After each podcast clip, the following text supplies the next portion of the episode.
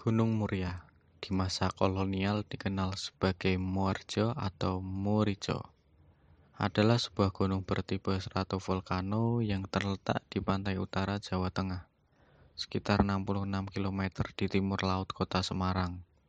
Gunung ini termasuk ke dalam wilayah Kabupaten Kudus. Di sisi selatan, wilayah Kabupaten Jepara, di sisi barat, dan wilayah Kabupaten Pati di sisi timur dan tenggara. Gunung ini memiliki ketinggian setinggi 1602 meter di atas permukaan laut, tetapi sumber lain menyebutkan 1625 meter di atas permukaan laut. Gunung ini pernah menjadi pulau tersendiri, dipisahkan dari Pulau Jawa oleh Selat Muria.